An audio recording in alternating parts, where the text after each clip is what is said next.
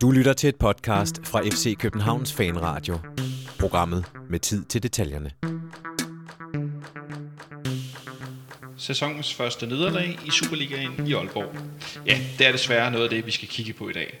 Vi skal også kigge på et transfervindue, som lukker her senere i dag, og så skal vi lave en lille status på, hvordan efterårssæsonen er startet med altså som sagt syv sejre i Superligaen og et enkelt nederlag. Velkommen inden for FC Københavns Fanradio. Mit navn er Jonathan Folker, og jeg har i dag to gæster på besøg. Til venstre for mig sidder Jonas Christiansen. Velkommen til dig, Jonas. Jo, tak. Og på min højre side sidder dagens multitaskende blæksprutte-type, Henrik Monson. Velkommen til dig, Henrik. Tak skal du have. Er det din sæson, Det tror jeg faktisk, det er. Ja. Stærkt. Du har ja. været øh, ude og drikke sangria, jeg ved ikke hvad, i løbet af sommeren. Det har jeg, ja. Det blev ikke til så meget sangria, vil jeg sige, men, men øh, jo, jeg har været ude og, og ferie den, som man kalder det.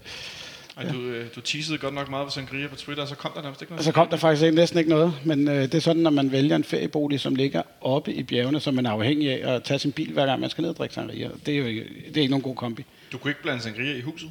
Jo, jo, jo. Men øh, det... Nej, det skulle du ikke, kan godt høre. Nej. Nej, det er også fair nok. Nå, det skal vi ikke øh, snakke så mere, meget mere om, selvom at sangria er virkelig, virkelig dejligt. Fordi, øh, som sagt, spillede vi Superligaen i går i, i Aalborg. En kamp, hvor at, øh, vi herinde for det første ikke helt ramte øh, startopstillingen, fordi at, øh, der var nogle spillere, som vi var ret sikre på ville være med som øh, var skadet, blandt andet Victor Fischer, som vi var ret sikre på, at ville starte. Carlo Holte havde vi vist også på nogle af os, og han var også ude, eller Victor Fischer var syg, men Carlo Holte var skadet. Øh, nu har vi så tabt en kamp i Superligaen. For at starte lidt bagfra, sådan helt kort, Jonas, hvor efterlader det der her, øh, hvor vi står lige nu?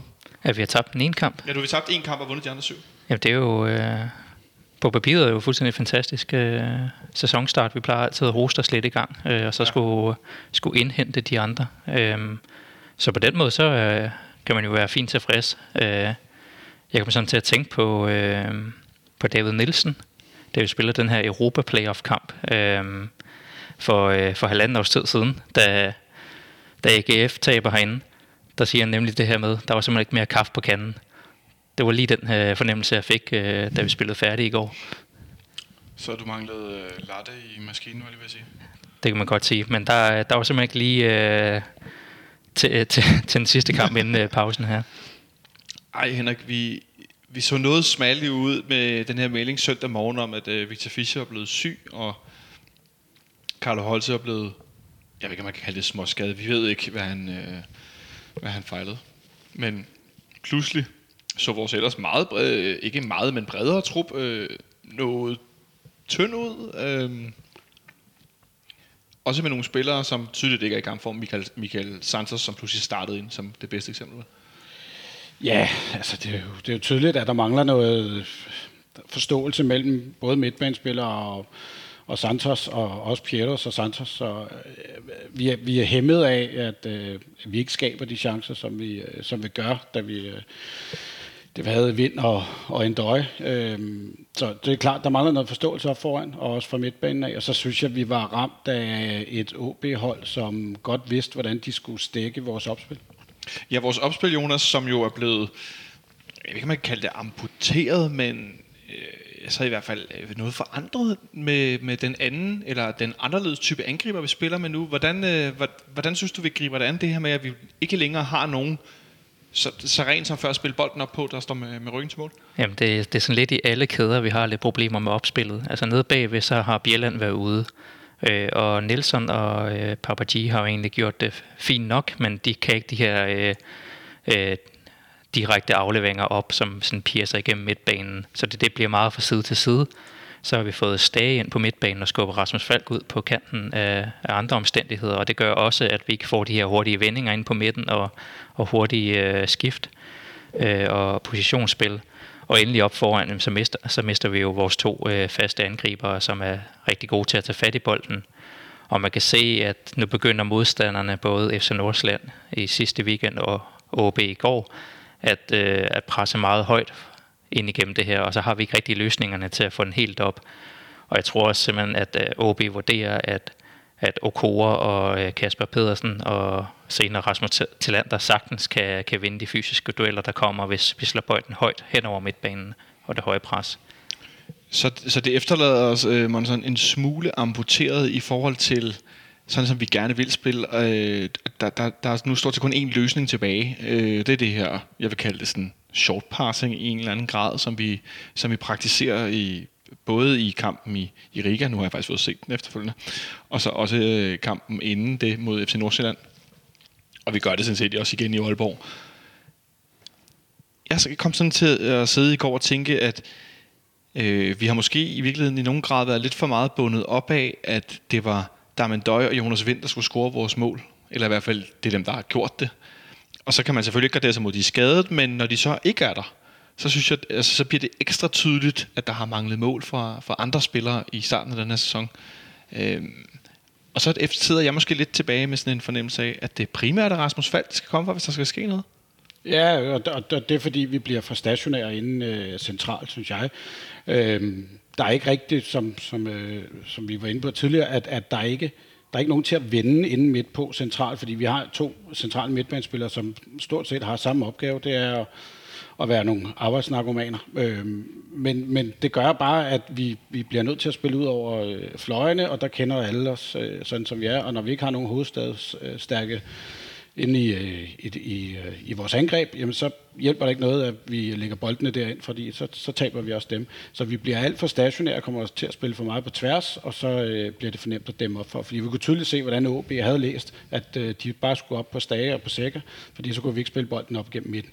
Øh, og det gjorde bare, at hele vores opspil i første halvleg var, øh, var ja, døde vand. Altså. Ja, fordi vi har i store del af første halvleg alt spillet, Jonas. Altså, vi, vi, vi spiller den rundt og spiller den rundt og spiller den rundt, men der sker ikke rigtig noget. Nej, altså det er jo... Øh det er jo noget af det allerførste, man lærer som SK-spiller, hvis man gerne vil nedbryde modstanderen. det er at holde fast i bolden og, og blive ved med at presse dem og holde tempo i bolden, så modstanderen bliver træt, og så kan man så score i slutningen af kampen. Det er ligesom step nummer et i, øh, i vores opspil, og det er der, hvor vi er lige nu. Det vil sige, at vi mangler step 1, 2, 3, 4, 5. Øhm, holdet er lige nu designet øh, og har været designet over de sidste par år til, at det ikke kun er angriberne, øh, der skal score mål. Det skal også være kantspillerne. Det skal også være Rasmus Fald, der kommer ind fra midten. Det, øh, det kan så ledes være en bak, der løber indenom, eller et eller andet, der kan være farligt. Altså, det er diversiteten, målene skal komme fra. Det er i hvert fald det, som holdet er designet til. Øhm, men det kræver også enormt mange relationer, øh, for at det bare kan køre per automatik. Øh, og lige nu så er vi bare nede på et antal, hvor relationerne bliver byttet ud fra uge til uge, og øh, vi har også nogle typer, som ikke er, er så kreative på de positioner, vi snakker om. Ja, og så i går, der stiller vi en startopstilling, hvor de eneste to, der starter inden for sidste års øh, idealopstilling, det er Rasmus Falk og Karl Sikker. Resten er faktisk nye i, øh, i startelveren. Øh, hvor meget betydning tror du, det har? Det, det har jo enormt meget betydning. Vi har bare ikke kunne se det i resultaterne indtil videre. Altså, vi ville jo have skrevet på og oplistet alle de her ting, der var galt, hvis vi nu lå i midten af ligaen, eller havde et, et resultat som for to år siden. Nu har resultaterne bare været derefter, og det er fordi, at Ståle og teamet er så dygtige nu, at de trods alt kan holde båden over vandet, men så har, altså, som jeg siger, så nu løb det lige tør for kræfter her til sidst, rent mentalt også efter, at det ikke blev til noget med Champions League, og vi fik så mange skader til sidst.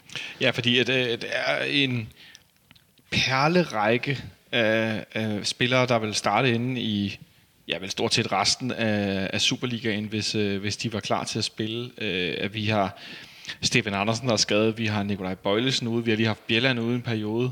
Øh, det er lige før, det er fuldstændig håbløst at begynde at gennemgå alle de spillere, der er skadet, men det er jo, det er jo, altså, det er jo helt vildt, når man kigger ned over vores, øh, vores, vores hold. Øh, Peter Ankersen har vi endda siddende som en, som lige nu forlyder det, som om han øh, her senere i dag bliver præsenteret i, i Genua. Han er ikke øh, i nærheden af at spille. Øhm, øh, hvad, øh, altså, jeg har næsten mistet overblik over, hvor mange der har skadet. Ikke? Det er fuldstændig sindssygt. Øh, så har vi øh, Modrasja derude. Victor Fischer er syg i går. Holse bliver skadet. Jonas Vind er langtidsskadet. Damendøj er skadet. Jeg tænker, at, at det er vel også, Henrik, et eller andet sted logisk nok, eller hvad, at et hold på det her niveau, når man får så mange skadede øh, stamspillere, at så øh, er der selvfølgelig en, et, et klart, øh, et, en klar effekt af det? Jo, altså på et eller andet sted, så har jeg det sådan, at, at som, som FC København skal man også være en klub, som kan kapere sig en skade. Måske også to og tre, men, men når vi kommer så højt op, så kan det også være svært at gardere sig imod. Nu har man forsøgt at købe nogle, nogle erstatninger ind i, øh, i håb om, at det, det kan være med til at, at, at styrke truppen. Øh, jeg tror også på længere sigt, Øh, men, men det er bare svært at gardere sig mod, fordi de kommer ikke udefra og spiller, øh, spiller 100% for dag et. Så det, det er selvfølgelig svært at gardere sig, men jeg synes heller ikke, i en klub som FC København skal det ikke være en undskyldning, at man får nogle skader, øh, selvom det er på vitale pladser. Ja, det er også, øh, altså planen er jo, at en, en tredjedel af truppen bliver udskiftet øh, en gang om året, i og med at man har de her aftaler med spillerne. Du kan ja. komme afsted efter to-tre sæsoner. Det, det tilser jo også, hvis man laver det med samtlige spillere, jamen, så vil en tredjedel af truppen blive udskiftet hver sæson. Så i forhold til salgene, så har det jo været fint nok. Vi har solgt de her 3-4 spillere, og så er vi klar til næste sæson, men den indeholder jo så ikke den risikovurdering, at vi kan miste 3-4-5 spillere ud over det.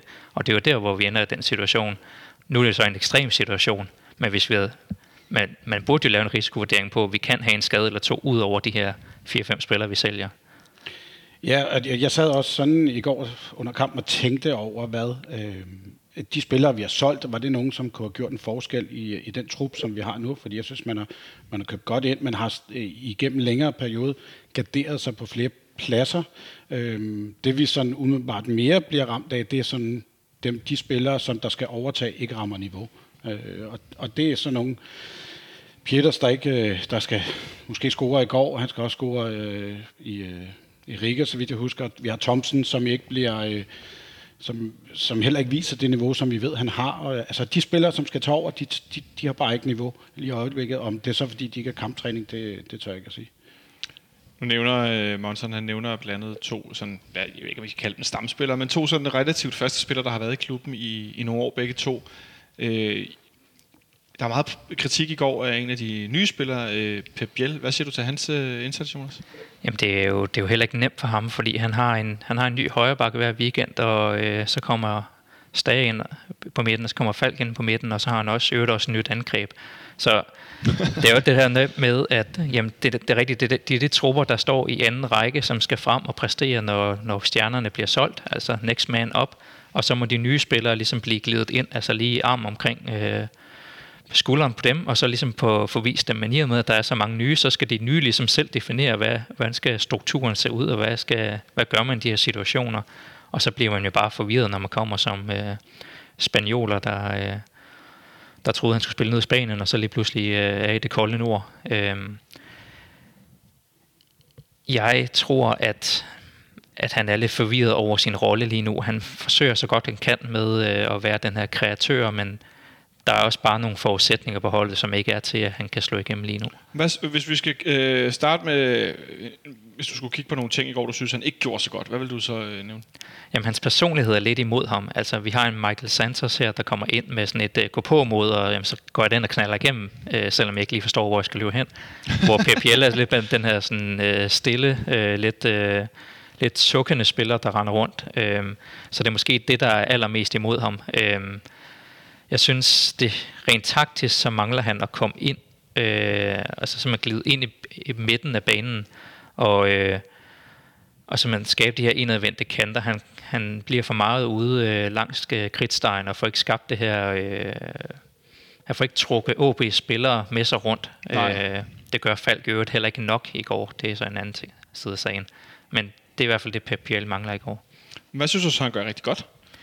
Jamen, altså, han, han er god til at sætte en mand. Altså, han har god kontrol over bolden, og når han endelig kommer hen til en sparkesituation udefra, så er han jo så god. Nu, han havde et par kampe, hvor det var lidt chattende inderside, han sendte på nogle afslutninger, men han har jo godt spark udefra. Men han, han skal være den her kreatør, vi får ind lige bag ved, øh, ved angrebet, der kan lave den her øh, sidste stikning. Det, det er den rolle, han skal have. Øh, og det skal resten af holdet også hjælpe ham med at komme øh, til de situationer. Jeg blev mærke i går, at jeg tænkte, at jeg faktisk så ham have det, der næsten var det første rigtig gode langskud udefra, som endte op indtaget øh, på HB's mål i, øh, i første halvleg, hvor jeg sådan tænkte, okay, der, begyndte, der var den. Det var første gang, hvor jeg sådan så det der, at trække ind i banen fodbolden, og så afslut, øh, hvor, hvor jeg faktisk blev sådan lidt, ja, yeah, det skete endelig. Men øh, en første halvleg, hvor vi er i, øh, i ret god kontrol i store del af kampen, og så lige pludselig, så scorer vores gamle ven, Kasper Kusk. Vil i, i, i flosklernes store land, det man kan kalde ud af det blå? Ja, det er jo, jeg ikke, altså det er jo ikke en dårlig clearing eller noget som helst. Det, det er jo tilfældigt, at den dumper ned for en, for en kusk, og, og, og Grødebus ikke, altså han kan ikke gøre noget ved Han kan ikke se afslutningen, før den kommer meget tæt på ham. Øh, så ja, tilfældighederne spiller, den lander derude. Øh, det, det, er jo, det er jo godt sparket ind, kan man sige. Øh, så der, der er ikke så meget at gøre ved det. Øh, jeg kan ikke huske, om hjørnesparket er sådan lidt tilfældigt, hvorfor de skal have det hjørnespark. Det kan jeg ikke øh, lige rette. Men, men det, jo ikke fordi man sådan sad og tænkte, nu kommer OB. Altså jo, de har mange, de har optræk til mange chancer, og det kommer stort set for Lukas Andersen øh, alt sammen. Altså, det må man sige, han, han spiller en dels fremragende første halvleg, øh, og, og øh, bør nok også score på den friløber, han, han selv skaber. Ikke? Øh, så er vi bagud 1-0 ved pausen, det, det kan jeg slet ikke sætte en finger ved. Nu nævner Monsen lige Lukas Andersen, og jo, øh, han spiller rigtig fint og alt muligt, øh, men jeg vil godt øh, lige bringe to ting på banen. For det første, den her situation med den friløber, som Monsen er inde på, altså det, det er også øh, svært at dem op på en friløber, når man ikke takler manden. Men når man er i stedet for to, der dækker ham op, der løber sådan et løb ved siden af. Altså, det så mærkeligt ud. Tror du også, Jonas, tror du, det handlede om, at det er et nyt forsvar, eller var det simpelthen, fordi de OB var gode? Jeg, jeg ved ikke, hvad der sker i den situation. Jeg tror, at Varela går lidt i panik og følger ham for meget. Og ender faktisk, Varela ender med at løbe Papaji ud af, af, af forsvarssituationen, så han kom ind til det her spark. Øh, så helt kønt var det heller ikke. Øh, men han var god i går. Han var god i går, øh, Lukas Andersen. Og jeg synes også, de har nogle optræk til nogle chancer, flere end vi har, så på den måde synes jeg ikke, vi var helt i kontrol. Men det var, det var lige på det her tidspunkt, hvor kampen var ved at bølge lidt frem og tilbage, og så kommer det her mål efter den her standard situation.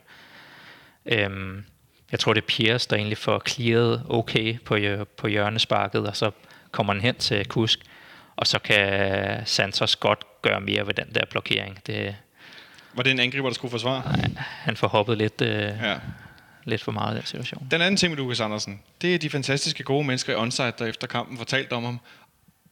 Og en vis ekspert, der tidligere har spillet Brøndby og Silkeborg, fornævnt, at han mener, at han kan sælges for 100 millioner. Hvad siger I til det? Ah, det vil jeg nok sige, det, det er overkanten. Øh, øh, hvis man kigger på, øh, altså, hvis prisen umiddelbart ligger på de der små 75 millioner, vi har fået fra, fra Robert Skov, som laver, laver 29 mål i, i sidste sæson, og så tager en, en Lukas Andersen, som øh, ja, teknisk god fodboldspiller, men slet ikke leverer samme antal mål, som, øh, som Robert Skov gjorde sidste år. Så jeg vil sige, 100 millioner, det er... Så, så vil lige før jeg sige, så skal man ned og, og sælge det til en sheik i, i Saudi-Arabien, som har lidt for mange lommepenge. Øhm, nej, det, det er slet ikke der, vi er Nej, han er dygtig, men jeg tror heller ikke, at vi ender, øh, vi ender der. Vi ender øh, derimod med en første halvleg, hvor det er tydeligt, øh, på tv-billederne i hvert fald, at øh, man i slutningen af første halvleg overvejer at lave noget, noget, noget taktisk øh, ændring i pausen, og sætte Andreas Bjelland ind, og jeg gættede i hvert fald på, at det var Per Biel, der ville gå ud. Nu talte vi lidt om ham før. Ganske rigtigt, Per Biel bliver udskiftet med Andreas Spilleren. Så går vi over til en 3-5-2, som vi jo også gjorde det i, i Odense i foråret i en kamp, hvor at OB godt nok spillede 3-5-2 mod vores 4-4-2, og det havde vi store problemer med, og så gik vi i samme opstilling, og så havde vi anden halvleg i mere eller mindre vores hulehånd. Det har vi også igen i går med, med OB's hold. Jeg snakker lidt om, at jeg synes, vi er meget i kontrol i første halvleg, men vi er det der i den grad i anden halvleg. Ja, ja, altså vi er klart bedst i anden halvleg øh, med den her formationsskifte. Øhm, I og med, at spillerne ikke helt kunne forstå, hvordan de skulle løbe sig åbne i første halvleg i 4-4-2'en, så, øh, så får man ligesom øh, forceret dem hen til at have nogle opspilspunkter naturligt i 3-5-2'eren, og det hjælper væsentligt mere. Og vi får også øh, Bengtsson og Varela længere frem til at kunne slå nogle indlæg. Øhm, så det, det er simpelthen for at skabe nogle af de her naturlige trekanter, vi kan, vi kan lave i opspillet op, og det fungerer. Og det forvirrer OB, fordi de, de, havde sat, de forblev ligesom i deres gameplan øh, langt ind i halvlejen. Men Henrik, at der skal så lidt til. Altså, jeg ved godt, at vi har en manager, som jo har historien som det bedste argument. At han er ståle spiller, den her øh, 4-4-2 med, med, øh, med zoneopdækning, og han er, altså, han er, det er det, det, som vi spiller. Kunne du nogle gange godt tænke dig, at man fra start af valgte at sige, okay, nu har vi de her skadespillere, skal vi måske i virkeligheden prøve at starte med den her 3-5-2? Jeg ved godt, at han har prøvet det i Aalborg, hvor den kære Dennis Vavro blev hævet ud efter 20 minutter, og man skiftede formation. Men når man, når man, altså, er det for bagklogt? Ja, det er det nok lidt, og jeg tror også, det er for... Øh, jeg, jeg tror også, Ståle er bange for den, altså, fordi han netop var øh, nødsaget til at gøre det modsatte i uh, sidst vi var, eller dengang op i Aalborg. Øhm, jeg kan godt lide, at man har en mulighed for at ændre taktik under kampen i det, i, i det man skal komme bagud, fordi så har vi mulighed for at ændre øh, selve øh, kampens udfald. Ja. Øhm, jeg vil hellere spille den, vi er sikre i 4-4-2, og er der, øh, er der behov for det, så kan vi ændre over i en 3-5-2. Det vil jeg hellere. Øh, og, og man, uden at vi, vi skal have en helt slutkamp med. Man ender jo faktisk med til sidst at, at spille med, med Victor Nielsen op foran os i de sidste 5-9 minutter. Der Ja, er noget af den stil. Så, så der bliver gjort noget for at forsøge at i hvert fald få det ene point med hjem. Øhm, og det, og det, det synes jeg, han skal have credit for. Og hvor tæt kommer vi så reelt på at få det her ene point? Altså, vi har, vi har noget optræk til nogle muligheder, men det, vi når ikke reelt sikkert ikke at skabe den der ene chance, der skal til. Altså den der Pierseiken friløber, han brænder på, eller et eller andet i den her kamp. Altså på den måde. Nej, man har en, han skal tage ned. Er vi enige om det? Mm. Det er rigtigt. Ja, men, men kan, vi, kan vi ikke snakke om den situation, for den har jeg faktisk noteret. For jeg, jeg så, har set nogle gange, jeg har faktisk pint mig selv og set highlightsene. Det behøver jeg ikke gøre. Det har jeg gjort for os alle sammen. Nej, det skal jeg gøre, hvis jeg har lyst til det. Det er cool nok. Men den her situation, vi taler om en, en øh, aflevering over 50-60 meter, som han lige skal, enten skal sparke på første gang, eller så skal han katte på den død, og så sparke den ind. Ja. Og på den ene side har jeg lyst til at skælde ham ud for ikke at kunne nogen af delene, og på den anden side, så kan jeg glemme at tænke, det er altså ikke bare noget, man lige gør. Eller hvad? Altså skal han... Jeg, jeg har lidt svært ved at finde ud af, om jeg er for flink ved ham, eller... P- Piers er ansat til at få noget af de der situationer. Altså når han ikke har så meget i opspillet, så er det jo så det er det, han tjener sine penge på, at, at score på de der, eller gøre noget farligt ud af de der situationer, der kommer lidt ud af ingenting. Ja, hvad siger du, Martin? Jamen, jeg mener også, at han klart skal have mere ud af den der. Han, han tror jo ikke på den. Altså, der, den, nu kan jeg ikke huske, om det er Okura, der ligger foran, eller, eller hvem det er, der ligger foran, som ikke når den med hovedet. Altså, og, og, han har en eller anden idé om, at den, den når forsvarsspilleren, så han tror ikke på den. Havde han været en, en, øh, en angriber, som havde troet på sig selv, og var sikker på, at han nok skulle have scoret på den der, så, så havde han taget den der ned, og så havde han scoret på den. Øhm, men, men det er bare ikke en Piers, som der gør det lige i øjeblikket selvom man trods alt scorer to mål. Øh, jeg skulle sige, det, det virker jo ikke som om, det er det, der... Øh, øh, er, det, er det nærmere evnerne, det er selvtilliden? Jeg tror bare, jeg tror, at selvom han har scoret de to mål, så er han ikke ude af den der periode endnu. Altså, han skal, jeg tror mere, at han skal ind i den cyklus, hvor han lige scorer i vandkamp eller et eller andet, for at, øh, for at han er tilbage. Man kunne så ikke mene, at det er evnerne, der skal gøre, at man kan, at man kan det? Jamen, han skal tro på sig selv, det gør han ikke. Altså, i den der situation, der tror han ikke på, at bolden når frem, og så ender han med at lave sådan en mærkelig kattepote ting i luften, og ikke ja. komme noget som helst. Nej, det er, det er op, op ad bakke for den kære Peter Soterio, det er der ingen øh, tvivl om. Så vi ender med sådan en anden halvleg, hvor vi har utrolig meget spil endnu en gang mod et OB-hold, som har også en, øh, en sindssygt farlig kontra. Den unge Kaufmann, han øh, banker bolden på stolpen efter at have tørret en to-tre forsvarsspillere. Øhm, og vi spiller, vi spiller, vi spiller, men vi kommer ikke rigtig frem til noget. Det bliver det bedre, da, da Rami kommer ind til sidst? Nej, det synes jeg sådan set ikke, det gør. øh, altså det, jamen, det virker, godt. Jamen, det virker bare som et eller andet desperat forsøg på at gøre et eller andet. Øh, men, men det, jeg sad og savnede, det var sådan set, at der var nogen, der, der reelt gad at, at skyde udefra. Altså fordi... Øh, vi kan spille og spille, og de indlæg, der kom fra både Varela og fra jeg tror, Bartolets der senere, altså, de ligger bare ikke der, hvor, hvor angriberne er, og så øh, bliver det jo ud ingenting. Altså, jeg kunne godt have savnet, at der er nogen, der, der tør øh, at skyde udefra. Øh, Falk har et par gange, hvor han løber ned mod målet, og så spiller han en, en lille tab ind, hvor han gerne vil have den 1-2, men, men det bliver heller ikke til noget, fordi de står øh, fem mand nede i deres bagkæde. Skyd for pokker. Altså, øh, hellere få afsluttet, i stedet for at få, et, få en kontra imod sig, fordi det, det får vi et par gange.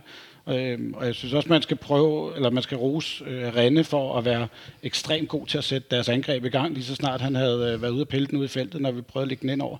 Fordi det bliver også farligt for os. Er vi virkelig lidt ude, Jonas, at hvor forfærdeligt den lyder, øhm, at vi er i en situation nu, hvor vi rigtig meget mangler en, der kan sparke udefra, så deres forsvar har en grund til at komme lidt frem mod os, i stedet for bare at stå og vente? Nej, jeg tror mest af alt, vi mangler sådan øh, den her... Øh, det her med at tale risiko i spillet. Altså det er som om, de bliver med at spille rundt og rundt og lede efter den her åbenlyse direkte aflevering, eller åbenlyse mulighed, i stedet for bare at prøve at, at sætte den ene mand, eller prøve at sparke for den der lidt skæve vinkel, de står fra, og så tro den vej igennem. Altså det ender alt med, altid med, at man forsøger at lave den sidste aflevering, som så ender med at blive blokeret, og så er det tilbage at starte forfra. Øh, vi forsøgte os jo med langskud i første halvleg, og det, det lykkedes ikke. Øh, men det er klart, at det skal være en variation i spillet, ligesom, øh, ligesom det andet. Lige nu er det bare alt for endimensionelt med det her powerplay, der ender ud i ingenting. Powerplay, der ender lidt ud i ingenting, og så ender vi med at øh, tabe 1-0 i Aalborg. Øh, stor kado til de mange folk, der var taget op til, til, til, OB, til, til, til den her kamp OB i Aalborg. Nu vi for en gang skulle ikke spillet klokken 19 søndag aften, eller kl. 20, eller et eller andet vanvittigt tidspunkt, så folk kunne faktisk komme med tog tilbage, og allerede være i København klokken kvart over 11, tror jeg, noget af den stil. Det var relativt... Øh, Ja, der, der skal, I kan også godt give lidt ros til programlægningen en gang imellem. Det rart ikke at skal spille i Aalborg kl. kl. 8 søndag aften, fordi det, det er kroppen muligt. Det har vi to prøvet alt for mange gange. ja, så kommer hjem klokken halv tre på ja. hovedbanen. Det er skide fedt. Ja. Eller, ja, hvis man har et arbejde eller noget studie, man skal passe, er det i hvert fald fuldstændig umuligt, medmindre det er en lørdag, der foregår. Det, det er jo ikke rigtig noget, der sker længere. Nej. Så en, øh, et 1-0 lederlag i, i Aalborg i en lidt mærkværdig forestilling, hvor at OB fortsætter deres momentum, og vi så får det første det første betydende Superliga-nederlag, vil jeg, vil jeg sige, siden vi taber i Vendsyssel. Vi taber de her kampe i slutningen af sidste sæson i Superligaen, hvor at, øh, vi har vundet mesterskabet, hvor vi vinder syv i træk. Nej, otte endda. Vi vinder otte i træk i slutningen af Superligaen øh, i, i, i slutspillet, og i, lige inden vi går ind i slutspillet. Og så taber vi så nu her i, i Aalborg, og det efterlader os så med øh, en anden plads for øh, syv sejre, fordi Midtjylland øh, i går slog Brøndby. Det kan man godt lige nævne på et fint selvmål. Øh, og det synes jeg egentlig ikke, der er så meget mere at sige til, medmindre der er noget, I har noget, I gerne vil byde ind med for kampen i går, som vi ikke lige har fået... Øh, Nej, altså, det er sådan følelsen, man sad tilbage med efter kampen, så ville man selvfølgelig gerne bare som minimum have haft det ene point, men, men når vi ikke får mere ud af det, så kan jeg godt leve med, at vi taber 1-0 på udbanen til, øh, til OB, fordi det kommer til at blive øh, vanskeligt for andre øh, også at komme til OB og skal spille derop. Øh, så jeg tror ikke, vi er de sidste, der har, der har tabt fodboldkamp derop. Øh, så jeg, det kan, jeg kan godt leve med det, øh, så længe det, vi ikke havde været i Hobro eller sådan noget og tabt 3-0, så, så havde jeg sgu nok stået med en anden følelse, end, end, end jeg gør nu. Ja. Altså, det er jo selvfølgelig bare træls, at vi, vi taber på en måde, hvor vi sidder her og er sådan lidt, nå ja, det var også fair nok. Altså, så vil man hellere tabe et eller andet med, at det var dommeren, eller øh, sådan lidt ærgerligt. Altså sådan en fornemmelse af, at vi har været med i kampen, og øh, det ikke var vores egen skyld, at vi tabte, eller sådan et eller andet. Men øh, ja, vi var alle sammen trætte. Jeg tror også, jeg som SK-fan var lidt træt efter det her stykke tid. Ikke? Ja, fordi det, det, er sjovt, du siger det. Jeg havde det også lidt sådan lidt, at jeg havde sgu næsten opgivet lidt på forhånd med de to sidste skader og så videre, at ah, det lå lidt i korten. Det der, det kommer vi ikke til at tage en masse point på. Eller tage Jamen, det er derfor, jeg siger, at jeg, havde, jeg havde været ja. glad for det ene point, øh, allerede en kamp ja, ja. var startet. Det mindede øh, meget om vores sidste kamp i Aalborg, hvor Darmen Døje udligner til sidst, hvor vi også spiller dårligt. Ja. Og så spiller vi helt et på, at han myrder bolden op i hjørnet til sidst i kampen, efter vi også har spillet redder det, ikke? Jo. Og det var lidt det samme i går. Nu, nu er der så offside den her situation, hvor Peters på forunderlig vis får skubbet bolden forbi mål alligevel. Men tænk, hvis han havde fået skubbet den ind, og der så havde været offside, det havde næsten, det havde været næsten endnu værre, ikke? Ja, ja, eller man, man var blevet snydt for et straffespark øh, i, i overtiden eller et eller andet. Altså, så havde man siddet med en anden følelse, øh, men, men det synes jeg ikke, jeg gjorde efterfølgende. Det. Nej, og så gider jeg slet ikke øh, at nævne Jakob Kele, der nægter at passe på fodboldspillere, der spiller, fordi at de får lov at takle alt for på hinanden, uden han giver gul kort. Det, det gider jeg faktisk ikke bruge min tid på. Jeg øh, prøver at være lidt positiv her. En man of the match for FC København i går. Kan vi det, Jonas? Grydebust.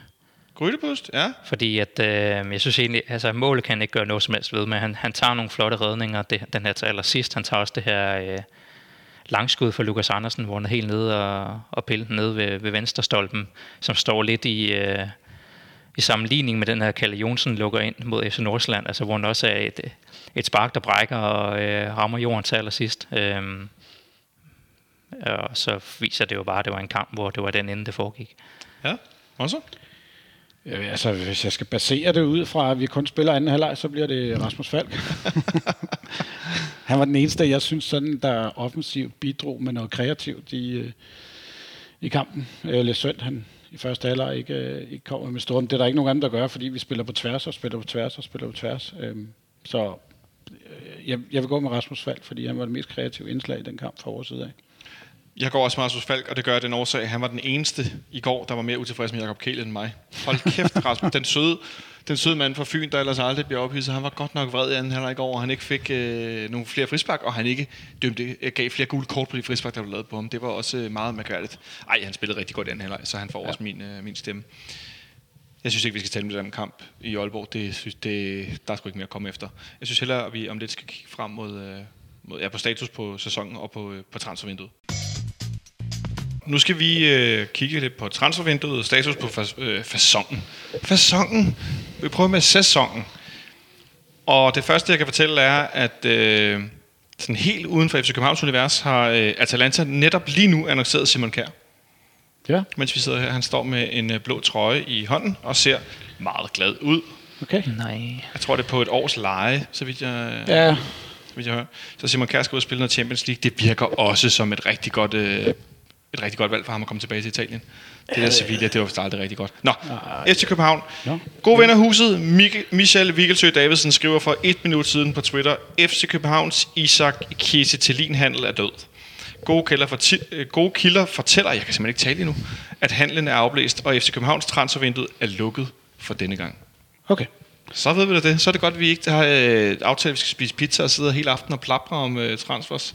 Ja. Øh, for det lyder som om, at øh, de går tidligt hjem ned den anden ende af, øh, af bygningen. Og det lukker jo sådan set også øh, Twitters øh, store entusiasme om, at øh, vi, hvis vi ikke fik ham, så skulle vi have Bentner i stedet for. Så øh, det, det, det lukker vel også den. Den kan vi godt lige... Øh, Altså, den, den bliver jo ikke lukket på den måde, kvæg, at øh, vi har jo altid en... en øh, nej, det har vi ikke. Undskyld, den har vrøvlet, jeg skulle til at sige det. Vi har altid mulighed for at lege ham, det har vi ikke.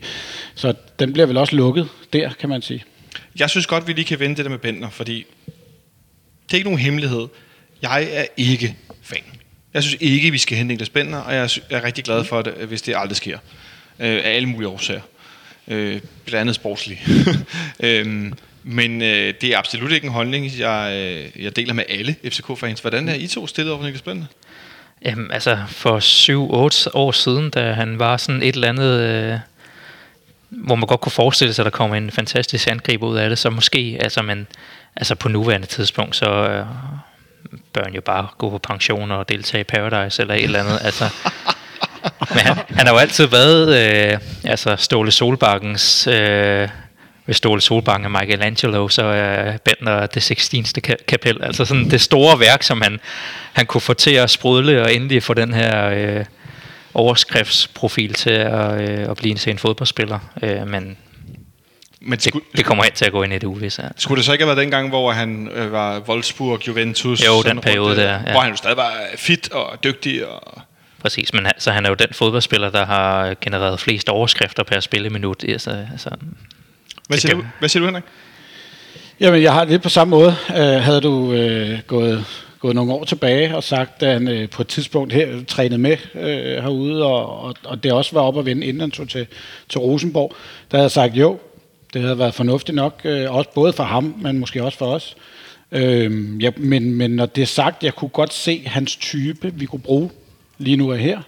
Øh, men jeg øh, kunne heller ikke se, hvorfor man skulle lave en 6 måneders kontrakt med ham, eller 4 måneders kontrakt, øh, for, bare for at brænde noget af. Det, det kan jeg ikke se. Øh, for han er ikke i form, han har ikke spillet siden øh, april, øh, så nej, den, det, er en, det bliver nej tak herfra. Og så til jer derude, der godt kan lide Niklas Bentner.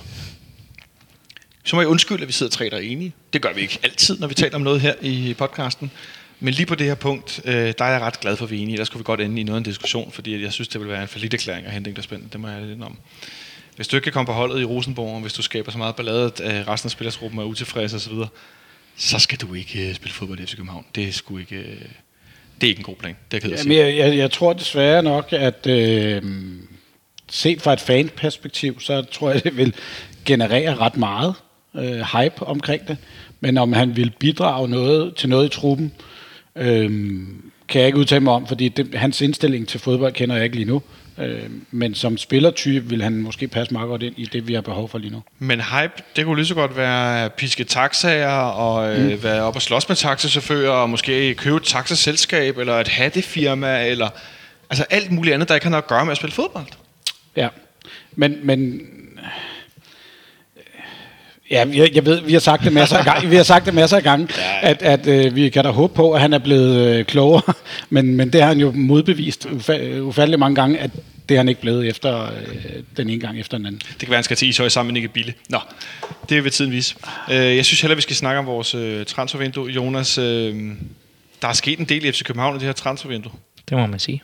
Vi sad og kiggede lidt på listen øh, over spillere. Nu nævner jeg, hvem der er kommet ind i det her transfervindue.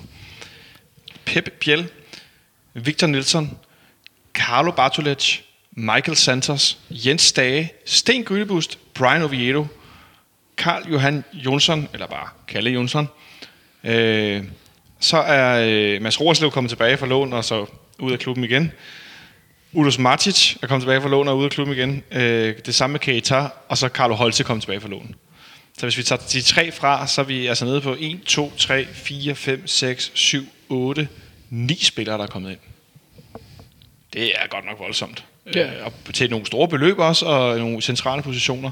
Samtidig så har vi øh, solgt Dennis Vavlo, Robert Skov, Jesse Jodonen, vi har lånt Michael Lyfner ud, vi har lånt Martic ud, og så Keita, Mads Roerslev og Vino Kvist er stoppet.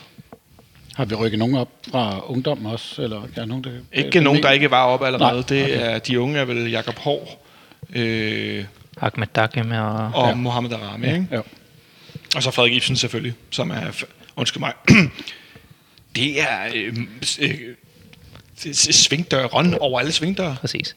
Og normalt så plejer øh, listen jo se sådan der ud, men det, der, det plejer bare at være flere af de her øh, sådan lidt i bagenden af truppen og lidt ungdomsspillere, der er op og ned. Altså det her, det er jo så øh, primært øh, profiler til, øh, til store penge, øh, som er gået ind og ud, og man kan jo bare tælle, øh, man kan jo minus listen med udgang med, med listen af tilgang, og så se, hvor mange skader vi har fået på førsteholdstruppen. Fordi ja. Ja. vi har jo de her 7-8 øh, store køb ind, og kun 3-4 øh, salg ud af de store. Så øh, det øh, placerer os. Ja, hvor, hvor synes du, vi ender henne med det her transfervindue, Henrik? Ja, Altså, nu, er, nu, nu, er, undskyld, jeg nu har jeg lige fortalt, at øh, der ikke bliver til noget med den her angriber, som vi har forsøgt at lege eller købe i, i perioden, hvor at det nu også viser sig, at Damedøj ikke er ude i 4-6 uger, men det viser sig måske blot at være 3-4 uger. Så vi kan måske regne med, at han er i en eller anden form for tilbage, når vi rammer 1. oktober. Skal vi, skal vi, skal vi ikke gå med det ud fra, hvad Ståle sagde i går? Jo, Hvor efterlader det at sætte Øhm, jeg synes, det efterlader os med en meget bred trup. Øhm, lige nu? Ikke lige nu, Nej, okay. men, men når man kigger tilbage på, at øh, eller når der er nogle af de her spillere, der, øh, lad os sige, hvis, når, når vi efter 1. januar kigger på truppen, så vil jeg sige, så har vi en meget bred trup, men så åbner der jo så også igen et nyt transfervindue kort tid efter. Øh, men, men jeg vil sige, øh, vi er i hvert fald godt garderet på langt de fleste pladser øh, på nær lige angrebet. Øh, men så synes jeg, at vi har haft et, et, et fint vindue, øh, og, men vi mangler at få spillet de seneste indkøb ind i truppen, som, som gør, at vi er, vi er på et niveau, hvor, hvor vi skal ligge. Men, men det afhænger måske nok også af, at man får nogle, nogle skader på øh, vira, nu skal jeg til at sige virale spillere, det hedder det ikke. Vitale, Vitale. spillere, øhm, som gør, at det, der, der er yderligere spillere, der skal spilles ind. Så jeg, jeg er positiv over for det her øh, transfervindue, både ja. Fordi vi også kommer ud med et, et forholdsvis stort plus i forhold til, hvor mange penge vi har puttet ud i markedet også. Så regnskabsfanen er glad. Jonas, på den anden side af den her landsholdspause, så ender vi ud i et spilleprogram, der øh, har fire kampe i september måned. Efterfølgende, vi starter om søndagen den 15. ude med Hobro, og så har vi den første Europa League-kamp på hjemmebane mod Lugano om torsdagen. Og så har vi om søndagen, for det skal være løgn, FC Midtjylland hen i parken. Og så har vi lørdagen efter Silkeborg. Så lige pludselig tre hjemmebanekampe i træk. Vi går ind i en periode med langt flere hjemmebanekampe end udbanekampe. Og også med mange kampe meget tæt på København. Vi skal ikke, vi skal ikke rejse så meget i den næste periode. Øh, så har vi i starten af oktober Malmø på udbanen, om søndagen Brøndby på udbanen, Øh, det er så to udbanekampe, Øh, Esbjerg på hjemmebane, og så Kiev og AGF på udebane i slutningen af oktober. Øhm, så i oktober har vi pludselig kun én hjemmebanekamp, så det svinger godt nok noget med... Så det er bare med at komme ind til den der kamp mod Esbjerg søndag den 20. oktober, fordi at, øh, der går noget tid, før man får FC København at se den periode. Men hvor meget tror du i, i, i her i september måned, det betyder, at vi har sådan tre hjemmebanekampe i træk inden for ja, øh, 10 dage? Øhm, jeg tror, det er godt, og jeg tror også, jeg er faktisk lidt glad for, at vi ikke henter Kise til Lin. Ja, det, må- det må du godt uddybe. fordi at vi har øh, med Michael Santos allerede taget hul på næste års budget, øh, og det her, og vi har en døje tilbage. Øh, vi er der, hvor vi har kvalificeret os til Europa League. Vi ligger head and head med FC Midtjylland i mesterskabskampen, så der, der er ikke nogen grund til at skulle hente en ekstra angriber, når en døje er tilbage, medmindre man er så bange for, at man mister terræn til FC Midtjylland i, øh, i mesterskabsspillet, eller man er bange for, at man ikke kan gå videre for det her Europa League-gruppespil. Men det mener jeg, at vi har truppen til at skulle kunne. Så jeg synes ikke, man skal satse og ligesom at, at gældsætte sig lidt i det her lønbudget, øh, for at skulle opnå det. Øh, det er klart, at den eneste, vi mangler i truppen lige nu, det er den her erstatning til Jonas Vind, der kan trække lidt tilbage fra, øh, fra angrebet, fordi vi har Piers, Santos, Endoy, øh, som alle sammen er dem, der ligger på toppen og ligesom presser øh, offside-linjen. Og så har vi så reelt set kun Fischer lige nu, som er den, der ligger sig tilbage. Men det synes jeg stadigvæk, at vi skal være i stand til at kunne klare, uden at skulle altså, ud og satse budgettet på den måde. Det er ikke noget, vi gør ved at tjene masser af penge. Men jeg, jeg synes bare, at vi skal holde os til planen og sige, at det her, nu har vi opnået det, vi gerne vil, og så lad os tro på dem, vi har. Du synes ikke, det er for satset med, med tanker på, hvilke typer det så er, vi har nu? Nej, det synes jeg ikke. Øh, det, som holdet mangler, det er at spille sig sammen nu, og ikke hente flere øh, spillere ind, der skal lukke huller på den måde. Vi har i forvejen fem spillere nærmest, der blev hentet ind, fordi de skal lukke et hul for en skadet spiller. Jeg synes, vi har det antal, vi skal være lige nu. Og så lad, nu har vi fået Bierland tilbage, en døjer tilbage om en måned. Modrasja kommer tilbage på et tidspunkt i øh, efteråret også. Han skulle faktisk træne almindelig med efter landsholdspausen, det sidste jeg hørte. Præcis. Så det vil jeg gerne synes, at det skulle være nok, og det skulle også være nok til, til tre hjemmebanekampe i, øh, i september. Men man skal jo også prøve at kigge andet end der, hvor vi er lige nu. Og når du får Modratis tilbage, øh, så står du i hvert fald med fire, fem midtbanespillere centralt, som, som også skal gøres glade. Øh, jeg kunne tænke mig at stille hvordan ser I sådan fremadrettet? Altså, er, er, ja, det er derfor, jeg siger, at truppen er måske en lille smule for bred. Hvordan, synes du, hvordan ser du selv fremadrettet? Jamen, jeg, det er der, hvor jeg synes, at vi på nogle pladser måske bliver lidt for brede. Øh, også altså når, når Vind øh, og en døje kommer tilbage, øh, så, så, er vi, så er vi også godt besat op foran. Øh, og, og vi er også godt besat centralt på, på midtbanen. Jeg synes, vi kommer til at, at se meget brede ud, hvis der ikke sker noget i næste vindue igen. Men det gør der jo også, det ved vi jo alle sammen. Ja. Fordi så når nogle af dem har til at være her i de to, halv, tre år, hvor de skal til at sælges. Døj har udløbet næste sommer. Det har han, han er 34. Jeg, er faktisk ikke, jeg kan ikke huske præcis, hvornår han har fødselsdag, det finder ud af nu, fordi jeg har øh, noget åbent her. Øh, jeg kan ikke forestille mig, at han forlænger sin kontrakt. Det kan lige så godt afsløre. Det tror jeg ikke på, han gør. Øh, desværre. Jeg kunne godt tænke mig, at han spillede til han var 60, hvis han blev med at Ja, det må han da gerne. Øhm, men jeg tænker, at øh, det giver ret god mening, at, at han desværre øh, hvis ikke han stopper sin karriere, så tager, tager et andet sted hen og spiller det næste stykke tid.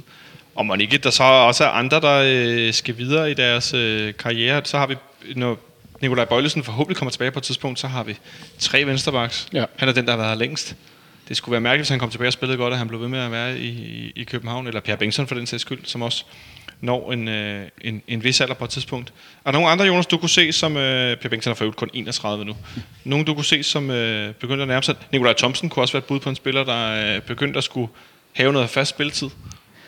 Ja, men det kræver så også, at de får den faste spilletid. Fordi jeg, tænkte, jeg tænkte ikke i København, men... Og ja, det er rigtigt. Men jeg tænker bare, det, det er sådan lidt sjov trupsammensætning, vi får, i og med, at der kommer nogen ind, der så skal være profiler og skubber dem, der er skadet ud igen. Og så har, får vi Bøjlesen tilbage, skal han så tilbage og spille i to måneder, og så skal han sælges. Kan han nå at komme op i værdi på det tidspunkt, og skal vi så skubbe vores to baks, vi har spillet, spillet ind øh, ud på bænken igen, og hvad gør man med det? Med det? Øh, hvis vi gerne vil tjene penge på Modrasja og, og Stage, som vi begge to har har betalt øh, 20 millioner for, ja. øh, så skal de jo også spille på en eller anden måde og gøre sig mere værd end det. Øh, mm. Så på den måde kan jeg godt følge øh, Monsons øh, argument om, at vi, vi er lidt mange, der sådan der, der alle sammen skal være profiler og køre efter planen på samme tidspunkt. Men når man så har vi også i enormt lang tid, i hvert fald i stor del af sidste sæson, været enormt få. Så måske vores øjne har vendet sig lidt til at kigge på en smal spillertrup og tænke, det, det er okay.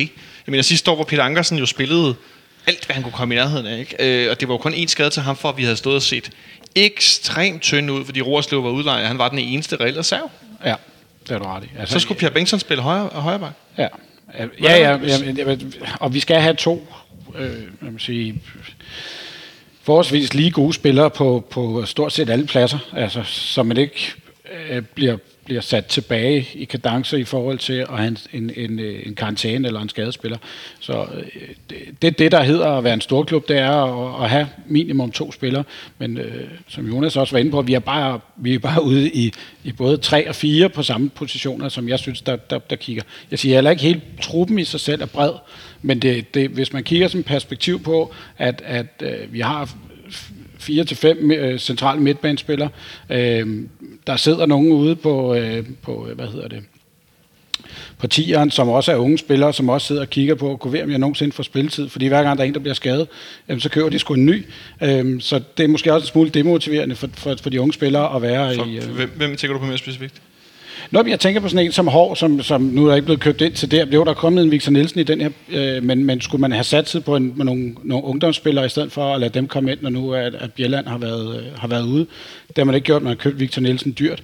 Øh, jeg, jeg vil som ungdomsspiller sidde og kigge på, at hvad, hvad er min fremtidsperspektiv i en, i en klub som FC København, hvis hver gang der er en, der bliver skadet, så bliver jeg sgu købt en ny. Så, så øh, det, det er bare sådan, jeg vil være demotiveret som, som Ja, så er det også bare blevet et, blevet et dyrere marked, fordi altså, hvis man køber tre, lad os sige, angriber ind, så vil man måske... Øh, så vil de spille godt, og så vil, den, øh, så vil de to, der har fået spilletid, der vil den ene måske blive, den anden vil blive solgt til et stort beløb, og så den tredje vil ikke slå igennem, eller en Pavlovic, der så vil blive gelejt ud af døren med et tab. Men tidligere så de her spillere, som vi gelejt ud af døren med et tab, de havde måske kostet en million euro eller to. Nu koster de så bare tre. Så det er et ret dyrt tab, man tager for at få den der ene profil, der bliver solgt stort. Så på den måde kan det godt blive dyrt, hvis man, øh, man har 5-6 spillere, som ikke får, der ikke slår igennem på den måde. Men nu vil jeg godt lov til at modsige mig selv, fordi hvis vi så går, Så nu bliver det vildt. øh, går et transfervindue tilbage og ser på, hvad vi solgte af ungdomsspillere sidste sommer for eksempel. Der solgte vi jo ungdomsspillere for noget nærheden af 40 millioner. Altså, som, så, så man skal heller ikke sidde som ungdomsspiller i FC København og tro, at man ikke kan komme nogen steder, fordi vi, vi er netop ude at spille de her øh, store ungdomsturneringer rundt omkring, hvor man kan få lov til at vise sig frem. Øh, så, så det er ikke sådan, at jeg fuldstændig maner jorden, og det at være ungdomsspiller i FC København, så kommer man aldrig nogensinde i nærheden af, af, af første hold. Det, sådan er det jo slet ikke, fordi der har vi også set med, med Darami, han, han, han kan jo godt, og øh, så, så det, det skal ikke male sort og hvidt på nogen måde, men, men det er bare svært at se, at, at øh, en ungdomsspiller skulle kunne slå 100% igennem i FC København, synes jeg lige nu, sådan som der bliver købt ind. Men vi har også været tvunget til det. Nej, men vi så jo også med, med, med Darami, der har man faktisk taget det sats og sige, okay, nu prøver vi at banke ham igen førsteholdstruppen, og i, i stedet for at sælge ham så Victor Nielsen til 25 millioner, det kunne vi også have gjort med Darami for ja. ungdomsholdet, og bare sælge ham på rent potentiale. Nu forsøger vi at rent faktisk at give ham spilletid og bygge ham op og blive et 100 millioner kroner salg eller alt andet. Ja. Så skal der også være spilletid til ham, hvis man ja, gerne vil det. det. er præcis. Men altså, han, han har åbenbart været nede i lidt af en bølgedal, og så var han i øh, Holland og spille en, en ungdomsturnering, mm. hvor han jo så også bare brændte igennem og scorede, hvad var det, fem mål i, i tre kampe. Ikke? Så, så han, han, han kan jo godt, øh, men, men, og vi kan også godt se på den unge fyr, når han smider trøjen hernede i foran øh, sektionen, at han er, jo, han er jo velbygget. Så jeg tror også, der er mere i ham, og han skal nok også få sin spilletid. Især nu, når vi, når vi også er sikret i, i, øh, i Europa. Vil du helst have, at han spiller på højre, eller vil du have, at han spiller som angriber? Oh, det var Hvis du, hvis du nu, nu, nu er vi jo sofa-trænere. Vi er Ja. jo øh, fanradio-managers. Vi sidder lige her. Og jeg kan godt afsløre, nej, denne podcast var ikke øh, 6-7 timer og til midnat, til hvor, øh, hvor transfervinduet slutter, fordi at, øh, for det første er vinduet med de fleste penge lukket, det er det engelske, og for det andet så øh, lyder det jo at, som om, at øh, FC Københavns transfervindue er helt lukket, så vi kommer ikke til at blive siddende i, og tale i uenighed. Men mindre der pludselig kommer nogen rundt om hjørnet med en, en ny øh, FCK-spiller, banker på døren og siger hej, vi øh, hilser på en eller anden. Det tror jeg heller ikke sker. For at svare på Der, de der rammer spørgsmål, som højre midt eller som angriber. ja, så vil jeg have ham som angriber. Øh, fordi så skal han ligge bag ved en, ved en Santos. Øh, som en, både en spilstation, men også som en, hvor han kan, øh, man kan stikke i dybden. Øh, ja, det, jeg, jeg, vil have ham, øh, jeg vil have ham angrebet. Vi er enige om, at vi trykker delete på, på den her optagelse, hvis Kisa Thelin lige pludselig kommer ind ad døren, og vi har sagt nej tak til ham. Nej, men ved du hvad, så, så, så tror jeg, vi tager røven på alle, og så er det rigtig ærgerligt, vi ikke er live. så kommer vi til at... Øh, øh, det er jo sådan, at øh, der ikke er nogen teknikere, det er Monson, der dobbeltjobber, og så kommer vi til at ringe til nogen og sige, hvordan kommer vi live lige nu? øh, så tror jeg, vi stopper optagelsen og laver noget, noget liveopsendelse. Øh, nej, det sker ikke. Det tror jeg simpelthen ikke på. Øh, hvad siger du, Jonas? Darami som højre midt eller som, øh, som angreb? Øh, begge ting. Altså lidt den her øh, Fischer-rolle, hvor han kan rykke lidt frem og tilbage, alt efter hvad det passer ind i, øh, i gameplanen. Mm. Han fungerer godt som sådan en, der kan der lige, pludselig, lige pludselig skal blive sat i en, øh, i en kontra eller dybdeløb fra en, øh, fra en vinkel, som øh, modstanderens forsvar ikke nødvendigvis lige er, er ops på. Men med en Damendøj, som muligvis er klar øh, i start oktober, og så øh, med vores nyeste angriber fra Uruguay, øh, Michael Santos. Øh, jeg kan ikke lade være med at tænke, at de to lyder som, også når jeg har set Michael Santos spille, øh, og med, med viden om, hvor god en døj er til at indgå i relationer med, også med nye medspillere, at det kan jeg godt se for mig være en hammerfarlig angrebsstue. Øh, med den her mand, der er god til at løbe i dybden, og god, på, god til at, at sætte en mand eller to. Og så er vores øh, boldmodtagelsesbæst ved siden af ham, der er Mendøj. Hvad, hvad siger du til den, Henrik Monsen? Jamen, det jeg er ovenud positiv. Øhm, det, jeg, jeg var jeg var helt lykkelig inde i, da jeg, jeg er det i kamp mod øh, Riga, hvor han kommer ind og øh, efter, hvad han været på banen, 30 sekunder, øh, løber i dybden og ikke får bolden, hvor han hiv, er ved at hive shortsen af sig selv i bare ejerskab over, og han ikke får den i dybden. Altså, så, som bare, bare den øh, entusiasme, han, han viser for dagen, synes jeg er rigeligt til, at øh, vi, der er noget gods i, det, i ham her. Han skal bare have den rigtige mand ved siden af sig, fordi så tror jeg, vi får meget mere ud af ham. Øh, så, så, så kommer han også til at lave mål. Det er sjovt, fordi jeg savner en spiller, der mindede lidt om uh, Cesar Santini alle de år, siden vi har manglet ham, og nu har vi endelig fået ham. Og så har vi så ændret vores spil sidenhen. Men lad os se, om det ikke det kan, kan lade sig gøre. Det er simpelthen ikke, det kan lade sig gøre. Jeg er i hvert fald rimelig øh, positivt stillet, nu vi går ind i den her øh, landsholdspause, hvor at, øh, der er en række FCK-spillere, som er udtaget til diverse landshold. Det er primært øh, for øh, andre lande i, i Norden. Øh, Ståle for også sagt, at han, han håber på, at folk som øh, Michael Santos og Pep Biel kan lade batterierne op og så komme i lidt, øh, i lidt, bedre, øh, i lidt bedre form her i løbet af landsholdspausen, og måske lige komme på mere på plads med noget bolig og nogle ting, kunne jeg også forestille mig, øh, var noget, som øh, de kunne bruge til noget. Vi har nogle forskellige. Carlo Holse og Victor Nielsen. Nu ved jeg så ikke med Holse skade, hvor alvorligt den er. De skal i hvert fald nå 21.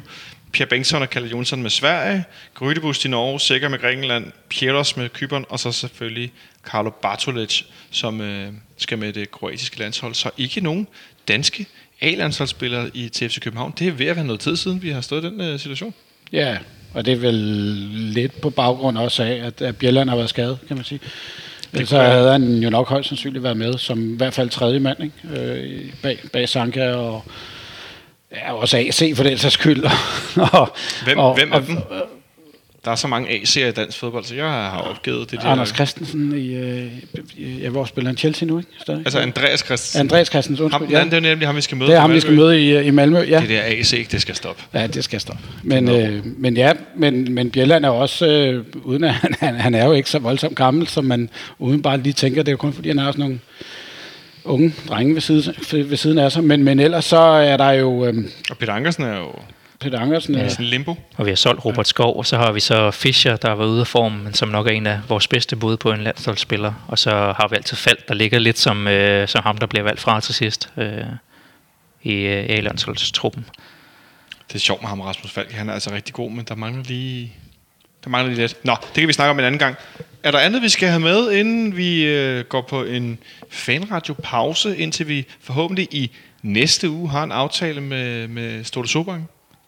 Hmm. Altså, øh, jeg vil bare gerne give en, øh, en lille thumbs up, eller ej, en stor thumbs up for øh, vores første landsholds... Øh, eller blokken her i den første landsholdspause. Altså syv sejre, et streg og europæisk gruppespil. Det, øh, det er meget godt klaret med, med mange, alle de her ting, vi snakker om. Ja, med, med, også med sådan en, skal man sige, dalende mængde spillere og energi, og det hele går sådan lidt ned, ned, ned, og så løber vi lige mål. Er det der, vi er? Ja? Ja, altså Røde Stjerne øh, gør, at entusiasmen fiser lidt ud af det, men ellers så, øh, så er det jo fantastisk klaret af staben, må vi jo bare sige. Ja. Jeg, øh, jeg håber på, at, øh, at du får et øh, interview med, med Ståle Solbakken i, øh, i hus, og øh, så kan du spørge ham, om, øh, om øh, han har købt bolig i Danmark. Det, det er rigtigt, hans ja. familie skulle flytte til, ikke? Jo. jo. Det er da meget interessant, det må vi lige høre med. Ja, det synes jeg. Øhm, jeg hørte, jeg læste forleden fra en, en bruger på, jeg tror det var inde på fanklubbens forum sidelinjen, at øh, han havde mødt en lidt stram Ståle Solbakken på en morgenløbetur på Gamle Kongevej, hvor Ståle vist ikke var helt øh, på toppen, efter vi har været, jeg tror, det havde været i Riga eller noget af den stil. Han var ikke, det var ikke, det, jeg kender typerne, der skal løbe, ikke? Øh, men han så ikke ud som, det var det sjoveste i verden. Så øh, vi må høre, hvor han skal eventuelt løbe hen i fremtiden i, i København, når vi forhåbentlig taler med ham i næste uge. Ja. Ellers så vil jeg bare sige uh, tak, fordi I kom forbi, begge to. Og tak til dig, Henrik, fordi du også lige fik lyden til at... Uh, få... Det ser ud som, den optager over. Jo, det er meget godt. det ser ud som, der kommer noget i den anden ende. Det er et meget godt uh, udgangspunkt. Så uh, vi vender tilbage forhåbentlig en gang i næste uge, eller så ses vi på den anden side af en landsholdspause. Ha' det godt så længe derude.